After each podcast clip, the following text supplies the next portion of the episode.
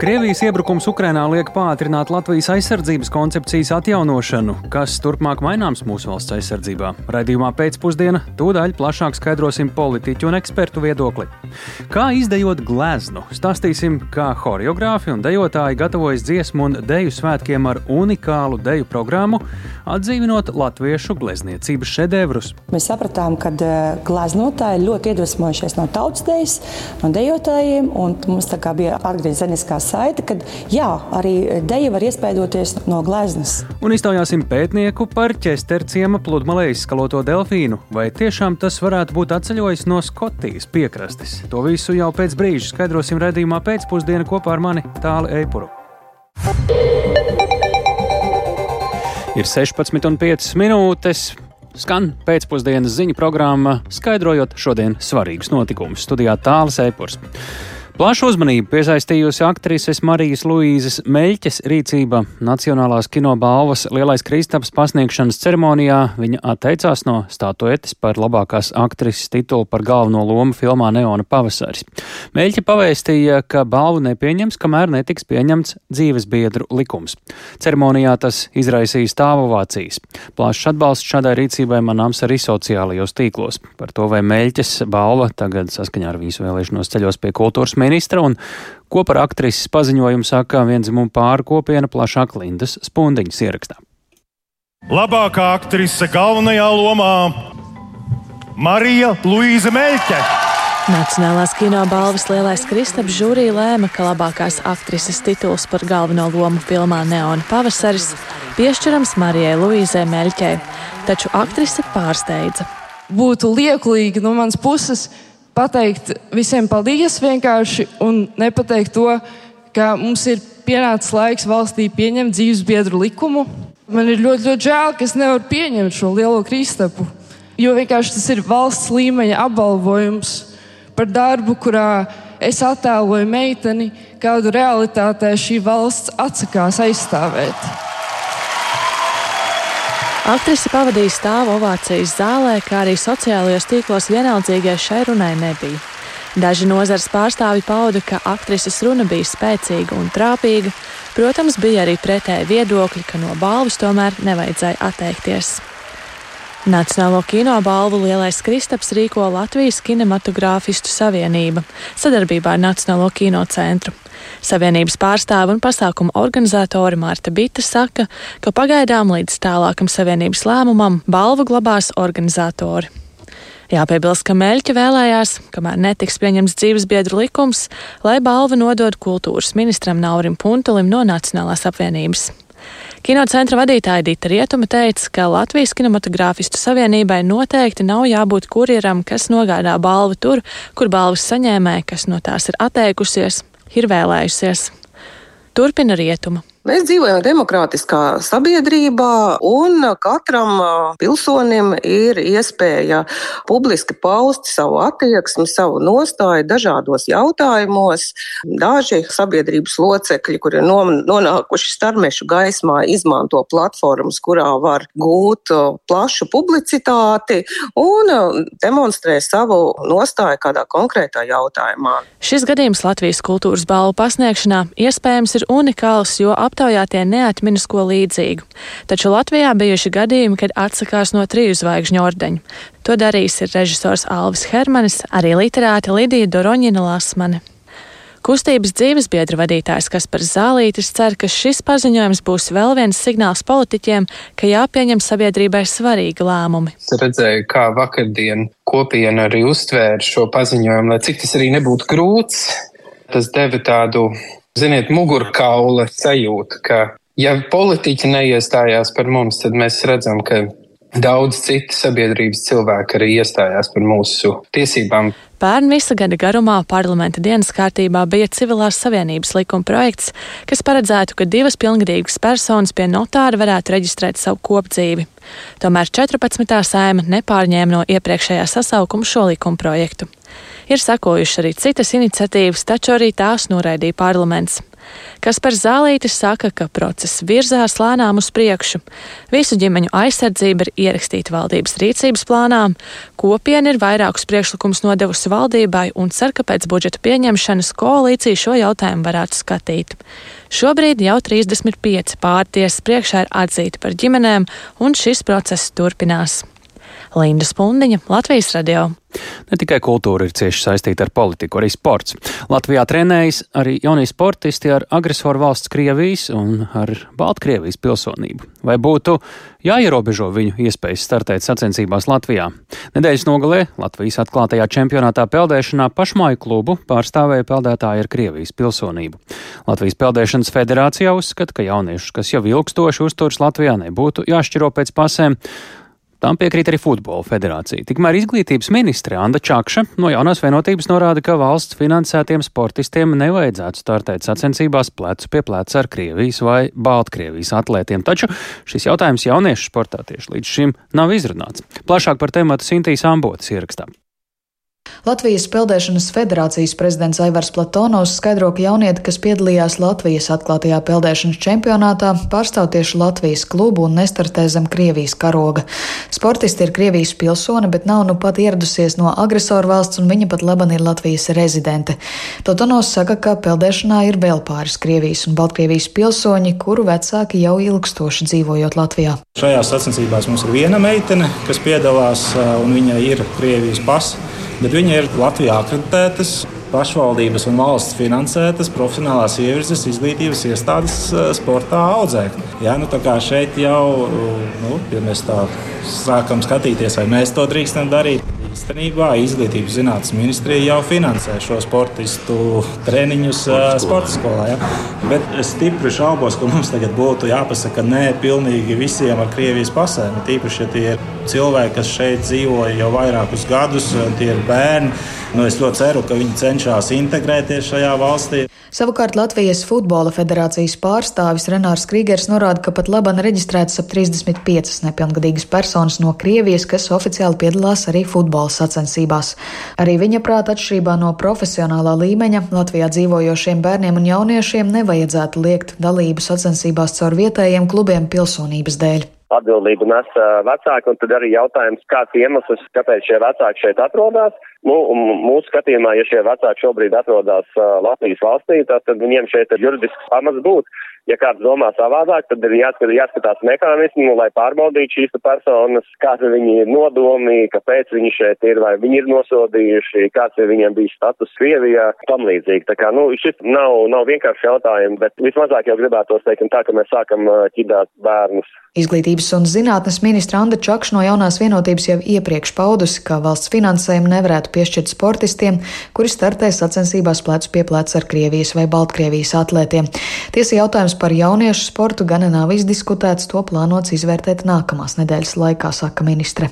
Par bērnu un jauniešu sportu runājot, eh, šobrīd eh, tas nav bijis risināts. Manā skatījumā, ja viņi ir lojāli Latvijai, viņi te dzīvo un tālāk plāno iegūt pilsonību, es domāju, ka tur nav šķēršļu. Uh, pie kam šie cilvēki nav pacēlušies nesen, viņi te dzīvo.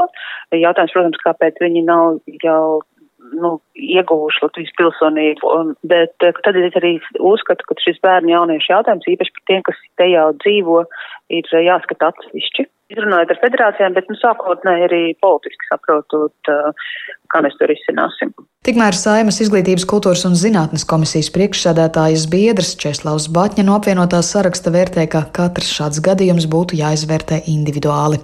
Sinti Ambota, Latvijas radio.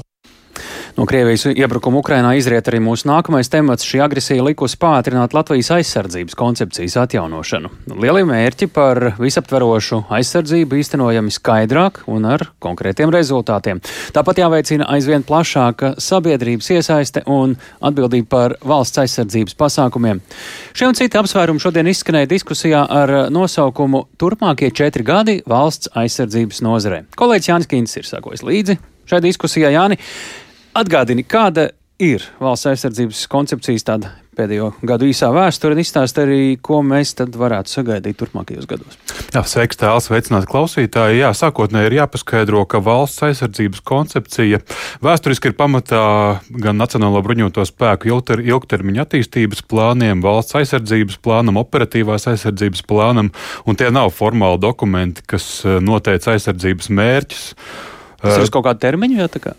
Tas ir ik, ik, ik pēc zināmiem gadiem, tas tiek pārskatīts, Jā. un beidzamo, beidzamo reizi tas ir darīts 2020. gadā, kad uh, kad situācija, protams, pasaulē bija gluži cita. Tāpēc, protams, šobrīd šie plāni ir jāpilnveido vispirms gan saistībā ar trūkumiem, kas tika pamanīti saistībā ar civilās aizsardzības pasākumiem, kas izpaudās, izpaudās sagādēs Covid-19 laikā. Taču nu, galvenokārt konteksts, protams, ir eh, Krievijas iebrukums Ukrainā, ar to saistībā, saistītā rietumu valstu reakcija un arī NATO gatavība paplašināt klātbūtni austrumu flangā. Un tad iespējams viena no būtiskākajām lietām pašmājās ir nacionālā Nacionālo bruņoto spēku spēju attīstīšana un paplašināšana un sabiedri, plašākas sabiedrības reaģēšanas spējas. To lūk, kā būtisku gatavības elementu raksturoja arī aizsardzības ministra Ināra Mūrnies no Nacionālās apvienības. Varam nedaudz paklausīties viņas teiktajā. Nu, šajā jaunajā situācijā mēs domājam par 72 stundu gatavību attiecībā uz katru valsts iedzīvotāju. Bet uh, vismaz desmit dienas Mums kā valstī ir jābūt gatavai pretoties jebkāda veida agresijai un jebkāda veida draudiem, tajā skaitā arī militāriem. NATO līgumā pirms 5. panta ir 3. pants, kurā ļoti skaidri ir pateikts, ka katrai valstī ir jāstiprina savas aizsardzības spējas, tā lai tā būtu spētu pretoties agresijai. To mēs arī šobrīd darām. Un būtiska jaunās koncepcijas sadaļa, protams, ir valsts aizsardzības dienests, eh, ko sākotnēji ar brīvprātīgiem dalībniekiem plānots ieviest jau no šā gada vasaras saimu, kā teikt, ir finiša taisnē ar šo likuma projektu. Un otrs vēl papildinājums jauninājums ir valsts aizsardzības mācība, ko 10. un 11. klašu līmenī ap 150 skolās īsteno brīvprātīgi, bet no aiznākamā mācību gada tas būs obligāts mācību priekšmets. Nu, bažīgas aizdomas par jaunsardzes lomas eh, mazināšanu 5. un 9. 5. līdz 9. klašu skolēniem eh, diskusijā pauda bijušais Ko, Nacionālo bruņoto spēku komandieris atvainātais pulkvedis Juris Dalbiņš. Viņa bažām ir pamats, jo valsts aizsardzības mācības plašākai īstenošanai draud nepietikt instruktoru. Savukārt Nacionālo bruņoto spēku darbības attīstībai jābalstās uz parādītā snieguma striktu analīzi, jo armijas spēju novērtējums nekādā ziņā nedrīkst būt formāls arī iespējamu dažādu ārēju iebrukumu vai cita veida risku kontekstā. To savukārt uzsvēra militārais eksperts Mārtiņš Vērdiņš īsto kaujas gatavību stāvokli un īstu kaujas spēju stāvokli parāda tikai reāls karš vai realistiskas mācības. Realistiskas mācības nozīmē ne tikai, ka pašas mācības ir notikušas. Teiksim, tā atkal ievelkam ķeksi ja, dzīvojam līdz nākamajām mācībām. Analizēt kļūdas, tas ir viens no galvenajiem uzdevumiem, un par to ir jābūt arī tā skaitā parlamentārai kontrolē un civilai kontrolē. Un aizsardzības koncepcijas eh, atjaunināšanas un papildināšanas kontekstā būtiski, protams, pieminēt arī citus globālus notikumus, kā Zviedrijas un Somijas gaidāmo iestāšanos NATO, kas, protams, spēcinās šo aliansi, bet liks arī paplašināt Baltijas reģiona aizsardzības plānus. Un šajā kontekstā, protams, tika piesaukt arī aizsardzības jomas finansējuma audzēšana līdz eh, jau daudzkārt pieminētiem 3% no iekšzemes koprodukta, kas sākotnēji bija ieplānota pēc četriem gadiem, taču uh, aizsardzības nozarē caist, ir cerības par to, ka tas varētu notikt jau krietni ātrāk, kādus gadus ātrāk, un kontekstā arī ar militārās industrijas stiprināšanu un starpvalstu militāro sadarbību, piemēram, ar Somiju un Igauniju, kas arī būtu jāpaplašina. Un šī ir, bija tikai pirmā šāda veida diskusija par šiem aizsardzības plāniem turpmākajos gados, un uh, domājams, ka tādā vēl lielākā detalizācijā jau tuvākajos mēnešos šāda veida sarunas varētu turpināties. Lai uzlabotu aizsardzības koncepciju šeit Latvijā. Paldies Jānim Kīncim! Mēs turpinām pasažieru pārvadātāju karteļu lieta. Tajā iesaistīto uzņēmumu vietā autotransporta direkcija komersantus ir gatava meklēt arī Igaunijā un Lietuvā. Tas var nozīmēt, ka kaimiņu valstu autobusi visdrīzāk varētu izrādīties vecāki nekā tie ir, piemēram, Liepais autobusu parkam, Nordekai un Latvijas sabiedriskajam autobusam, kas visi pieminēti karteļu lietā.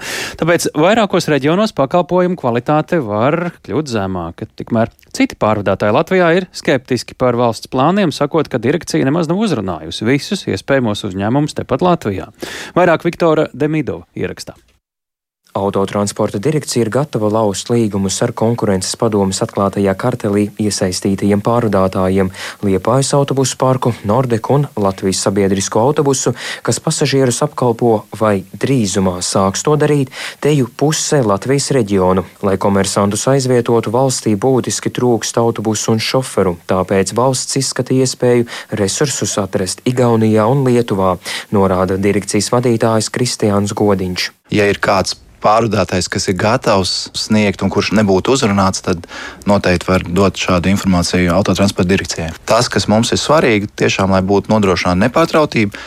Ja būs nepieciešams, tad arī ārkārtējos apstākļos ir arī citi iespējami mehānismi, kā nodrošināt ātrāku pakalpojumu sniedzēju piesaisti. Par direkcijas plāniem skeptiski izsakās Latvijas pasažieru pārvadātāju asociācijas prezidents Ivo Ošnieks, kurš ir pārliecināts, ka valsts nav uzrunājusi visus komersantus pilsētās.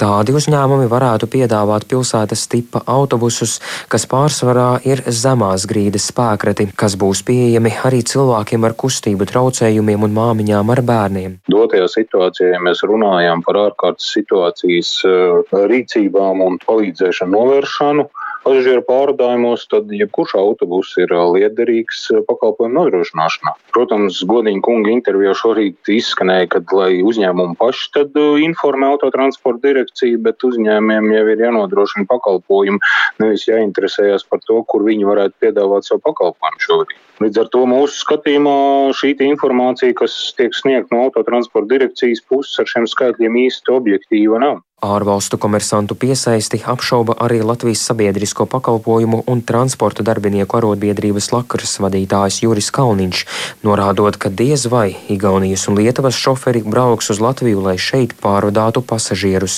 Igaunijā autobusu vadītājiem ir daudz labākas algas un sociālās garantijas, kur ir noslēgta ģenerāla vienošanās. Drīzāk viņi varētu doties varbūt ne uz Somiju strādāt, ja? nevis uz Latviju. Par Lietuvu man ir grūtāk teikt, bet es nedomāju, nedomāju. Būs vien jāmeklē šeit pat šoferi. Un, ja mums būs tādas algas, kā ir šobrīd, ja, tad, nu, ja mēs nevaram atrast šoferis arī uz esošiem maršrutiem, kas brauc, ja, grūti vai, vai atradīs arī tiem maršrutiem šoferis. Direkcijas vadītājs Godiņš Latvijas radio teica, ka Igaunijas un Lietuvas uzņēmumiem autobusi ir vismaz 12 gadus veci. Tas nozīmē, ka tie ir vismaz divas reizes vecāki nekā tie ir Liepājas autobusu parkam, Nordekai un Latvijas sabiedriskajam autobusam. Pēc noteikumiem šiem un pārējiem pārdātājiem, kas iepirkumos ir uzvarējuši, spēkratiem jābūt līdz 5 gadu veciem. Tāpēc vairākos reģionos pakalpojums iespējams būs nedaudz zemākas kvalitātes aktivitātes.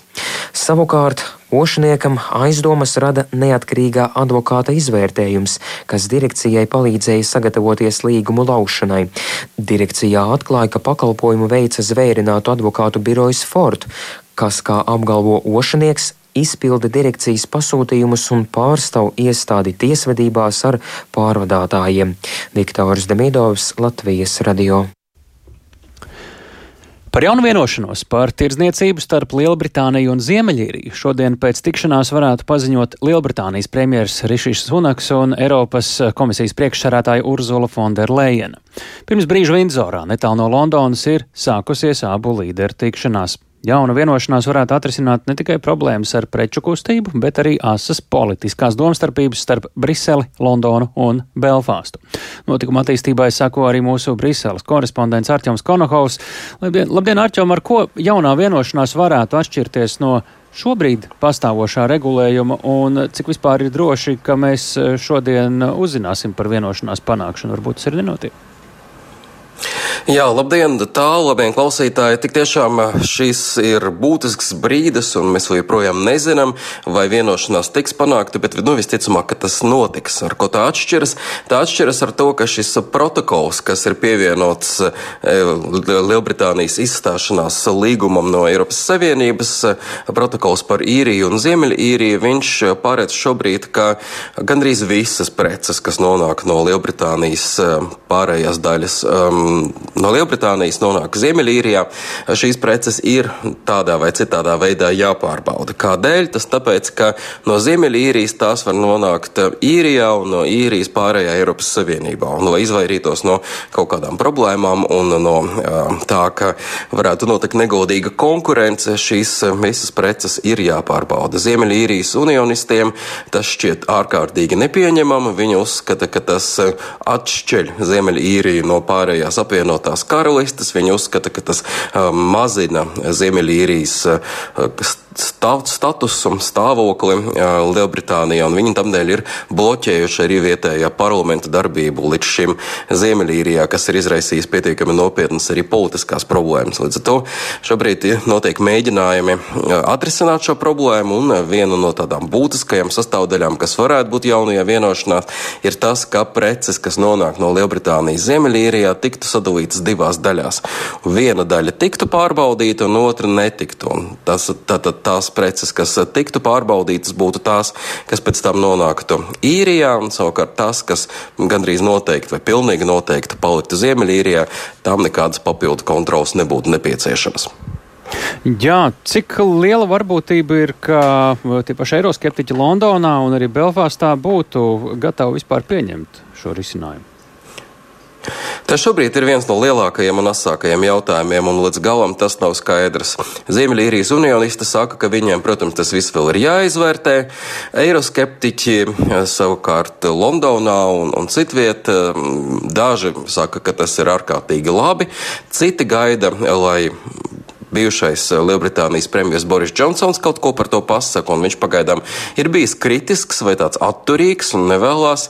Um, bet, nu, tā kā um, Daudz viedokļu droši vien izskanēs vēl arī šovakar, kad 6.30 eh, pēc Londonas laika, tad, tad tas ir 8.30 vakarā pēc eh, Rīgas laika būs eh, paziņojums Lielbritānijas parlamentā un diskusijas par šiem jautājumiem. Tad arī mēs noteikti dzirdēsim vairāk par pirmajām reakcijām, bet pilnīgi noteikti tas ir ārkārtīgi būtisks pārbaudījums priekš premjera Rišī Sunaka un viņa politiskās līderības, vai viņš spēs vai nespēs dabūt atbalstu šai ļoti svarīgai šai vienošanai.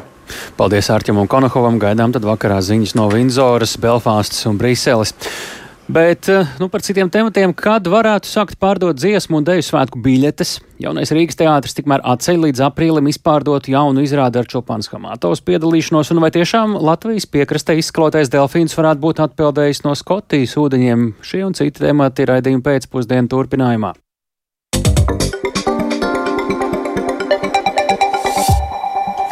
Šorīt ir noslēgusies dziesmu un deju svētku biļešu tirgotāju piedāvājumu iesniegšana. Tai bija pagarināts termiņš, jo viens no pretendentiem iesniedz sūdzību par atsevišķām pozīcijām. Līdz ar to, kad tad varēsim iegādāties biļetes uz dziesmu un deju svētkiem, to kolēģi Dācis Ivanovičs noskaidroja sarunā ar dziesmu un deju svētku izpildirektoru Dainu Markovu, sākumā vaicājot par galvenajiem iebildumiem, kādēļ iepirkums vispār tika apstrīdēts.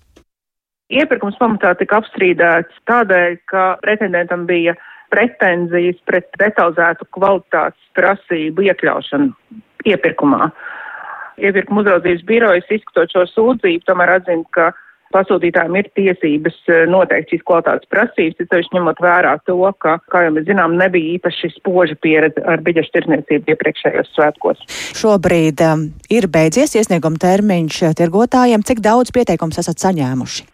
No šobrīd mēs redzam sistēmā, ka mēs esam saņēmuši divus pieteikumus, un pēc pulkstens vieniem mēs varēsim paskatīties, kuri ir šie pretendenti, kas ir iesnieguši pieteikumus konkursā, un tad turpmākie soļi ir tādi, ka mēs pēc iespējas drīzāk jau šonadēļ sāksim vērtēt šos pieteikumus, un tad jau saskaņā ar iepirkuma procedūru pēc uzvarētāja paziņošanas ir jāpaiet desmit dienām. Kamēr, kad pretendenti var apstrīdēties rezultātus, un ja tas nenotiks, tad arī tiks parakstīts līgums. Mēs ceram, ka mēs varēsim mēnešu laikā jau tikt pie šīta līguma un uzsākt darbu. Tas nozīmē, ka arī biļešu tirdzniecība varētu sākties mēnešu laikā? Es teiktu, ka mēnešu laikā mums būs jāskārto visas šīs gan līguma attiecības, gan jānogaida šīs absolūtēšanas iespējamais termiņš. Un es teiktu, ka mēnesis varētu paiet visā šajā procesā. Droši vien, ka aprīlis varētu tas būt, mēs ceram. Tātad pie biļetēm varēsim tikt visticamāk aprīlī. Cik daudz biļešu nonāks tirzniecībā un vai tās visas uzreiz nonāks tirzniecībā vai arī kaut kādā veidā pakāpeniski? Uz visiem tiem pasākumiem, uz kuriem tiks tirgotas biļetes, tātad tie būs ap 24, 25 pasākumiem, kopā būs pieejamas ap 150 tūkstošiem biļešu. Tās nenonāks tirsniecībā vienlaicīgi, tās nonāks tirsniecībā pakāpeniski, tātad vairākās nedēļas dienās, un tad mēs arī atsevišķi paziņosim, kāds būs šis biļešu iegādes grafiks. Un eh, biļešu cena būs kādā amplitūdā apmēram? No 7 eiro līdz pat 100 eiro uz noslēguma pasākumiem ir dārgākās biļetes. Šo cenu mēs arī pieņēmām, uzklausot dažādus viedokļus, bet šobrīd arī jāteic, ka ministru kabinetā, kas iesniegts apstiprināšanai, šis cenu apstiprināšanas dziesmu svētkiem, dziesmu svētku cenām. Un gatavojoties dziesmu un dēļu svētkiem, pandēmijas laikā ir tapušas 18 jaunas dēļas. To mūzika un horeogrāfija ir dzimusi no Baltas lapas un iecerēts, ka šovasar dēļu jaunrades lielkoncertā ar nosaukumu Balts jaunās dēļas veidos kustīgu simbiozi ar latviešu glezniecību. Kolēģei Skirmantai Baļķotē bija iespēja iepazīties ar unikālā uzveduma maketu. Un muguriņa atliecās acis!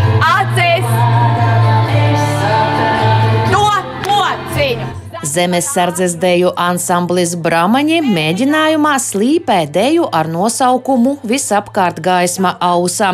Mūziku uzrakstīja Juris Kaukulis, bet horeogrāfijas autore ir deju kolektīva vadītāja Taiga Ludboržā. Horeogrāfija iet līdzi laikam un ne tikai izmanto un attīsta latviešu tautas deju soļus un interpretē pēc sava skatījuma, bet arī dzēna. Viņi izpaužās savādāk. Un es arī ļoti, ļoti iedziļinājos. Uh, indiešu kultūrā, jo indiešu kultūra tā vēsta gudras grāmatas, ka ir arī mūsu sākuma posms, un arī no tās puses nāk brahmaņi, brahmas. Un tad jā, arī kustības no tās puses, tā kociņa augšana, jeb vieduma, izaugsme. Reči jālīdzinās ar pulsāciju! Tā ir viena no 18 dejām, kas tapa speciāli jaunrades lielkoncertam Balts, kurš veidots ar jaunu mūziku, jaunām horeogrāfijām un jaunu māksliniecisko risinājumu, kurā saplūst skatuviskā deja un latviešu tēlotāja māksla.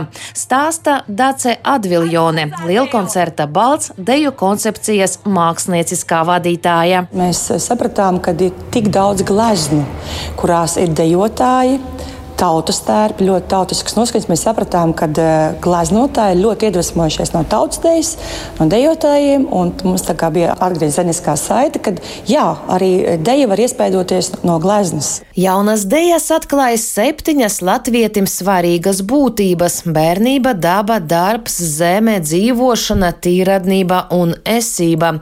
Tas viss tiek savienots ar intermēdijām, kurās dejotāji atdzīvina gleznas. Piemēram, iegriež dzirnakmeni, kas tiks projicēts uz laukuma. Horeogrāfs viņš domā plakni, viņš uzzīmē to savu, un viņš jā, tur būs. Es saku, pagaidi, pagaidi, mums vēl ir griesti, mums ir platums, mums ir skatītāji, un tās gaismiņas viņas uzreiz iedod, tā ir vesela telpa. Jo... Tas viss ir redzams maketā. Ekrāns, kas realitātē arēnā Rīga būs 10 reiz 26 metrus liels, tajā ir samazināts mērogs mērogā 2 cm pret 1 metru.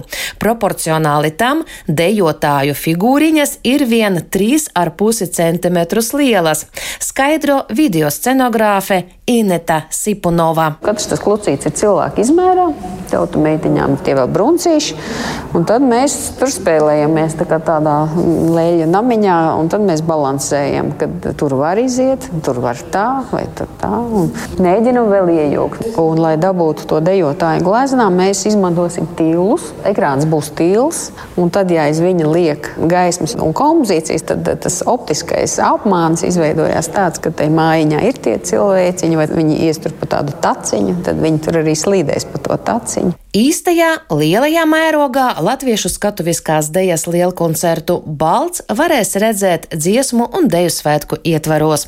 Skirmante Baļķūte, Latvijas radio. Kā dzirdējām, uz dziesmu svētkiem biļešu pirkšana vēl tikai priekšā, savukārt citu vietu izskatās, ka biļetes nopirktas velti. Šorīt jaunais Rīgas teātris nāca klajā ar paziņojumu, ka atceļ Ulda Tīrona iestudējumu Gogolis Nature Mortes, ceru, ka es pareizi izrunāju, kam rīt jau bija paredzēta pirmizrāde. Iemesls izrāde ir atzīta par, un šeit formulējums, par radošu neveiksmi. Skatītāji šo izrādi bija ļoti gaidījuši, biļetes jau bija pilnībā izpirktas uz visām izrādēm līdz pat aprīļa sākumam. Un šis uh, ir rēts gadījums Latvijas teātros, tāpēc studijā esam aicinājuši Baibu Kušķi, lai jautātu, kā tad teātris skaidro izrādes atcelšanu, un, protams, kas tad jāzina arī skatītājiem, kuriem jau ir biļetes. Jā, labdien! Eh, dažos vārdos vispirms par pašu izrādi. Eh, kā liecināja vēstījums teātra mājaslapā, tad Ultis Tīrons to veidoja pēc Nikolaja Gogoļa stāsta veclaiku mužnieku motīviem un bija plānots, ka lomas tajā spēlēs Čulpana Hamatova, Gundars Āboliņš un Kaspars Notiņš, un bija plānots, ka izrādē Hamatova runātu latviešu valodā.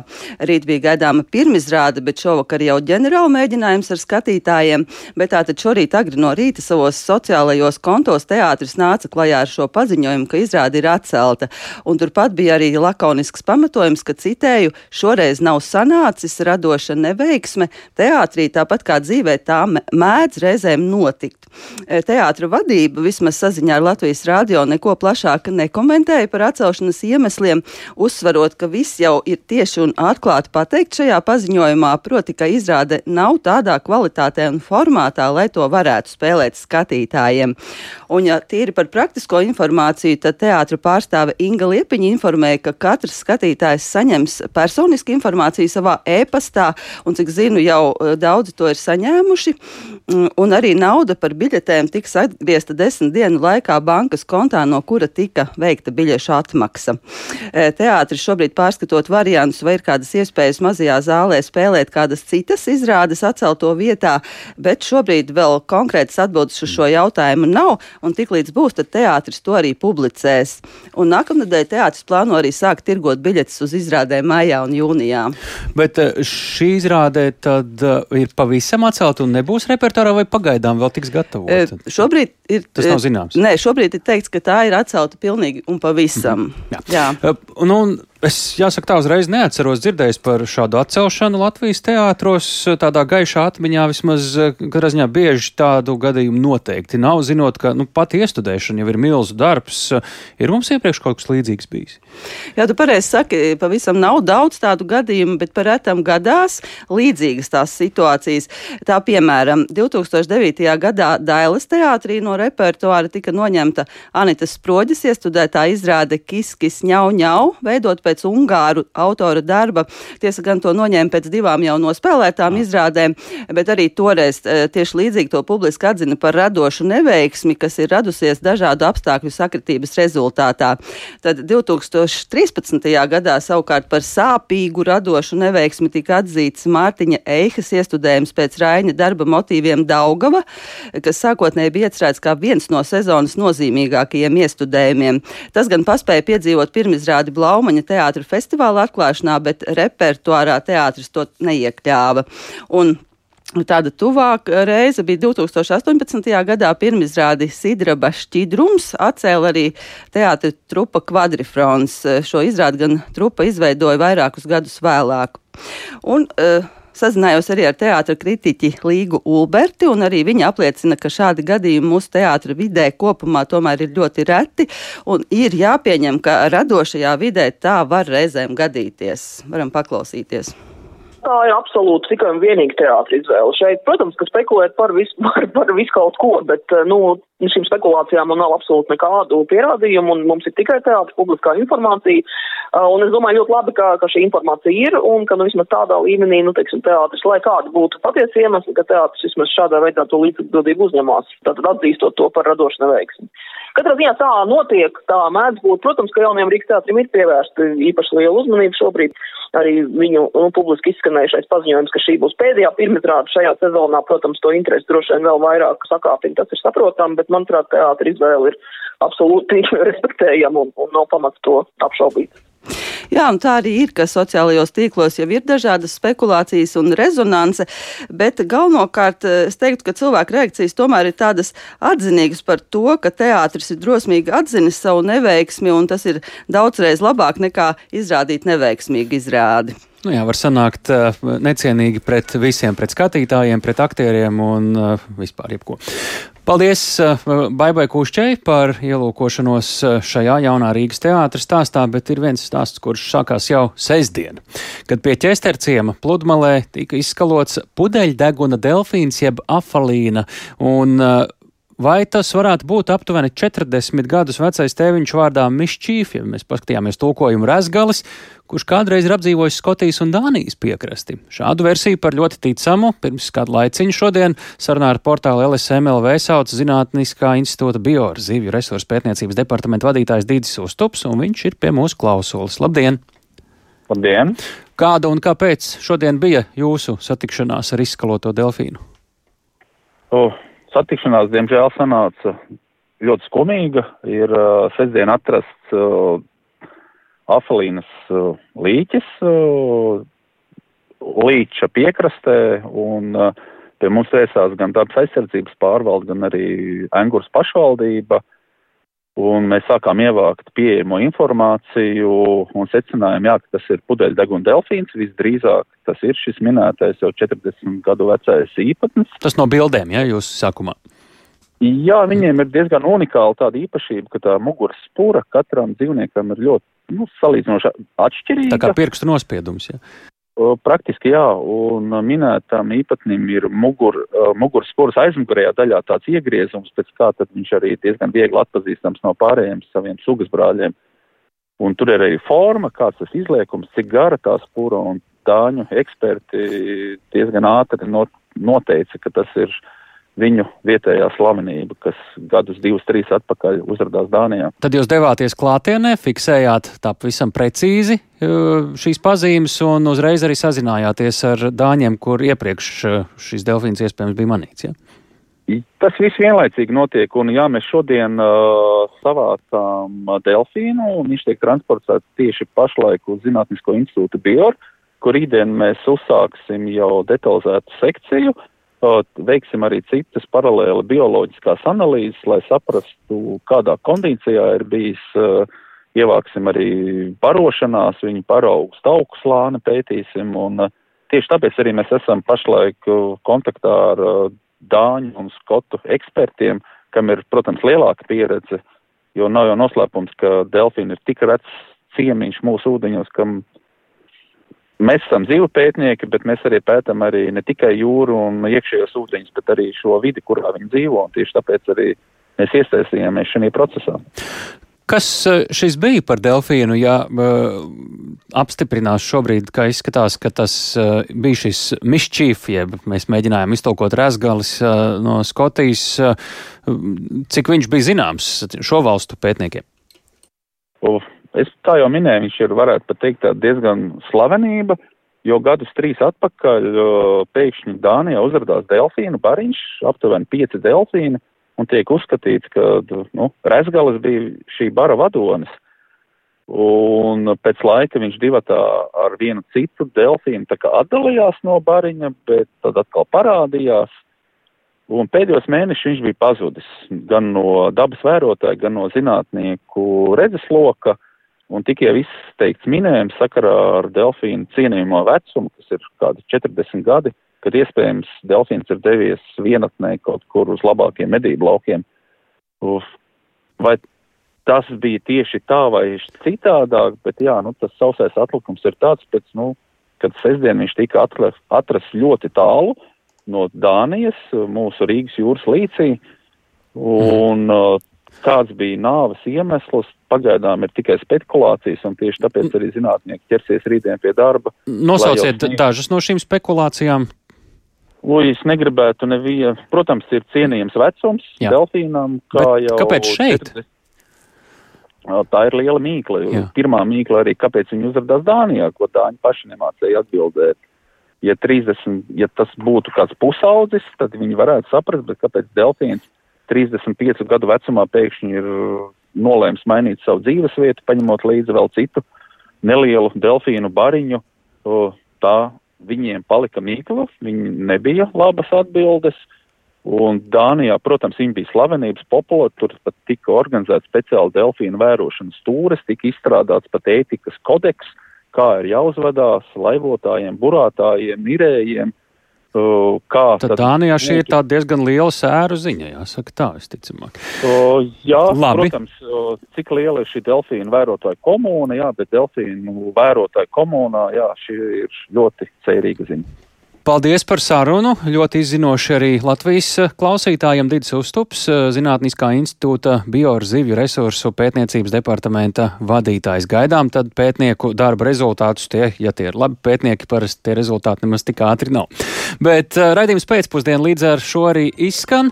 Ar jums bija kopā tāls eipurs, tālāk nāca Ilza Aginta, Kaspars Groskops, Mārtiņš Paeglis. Raidījumu pēcpusdiena klausāties katru darba dienu un, protams, arī Latvijas radio mobilajā lietotnē.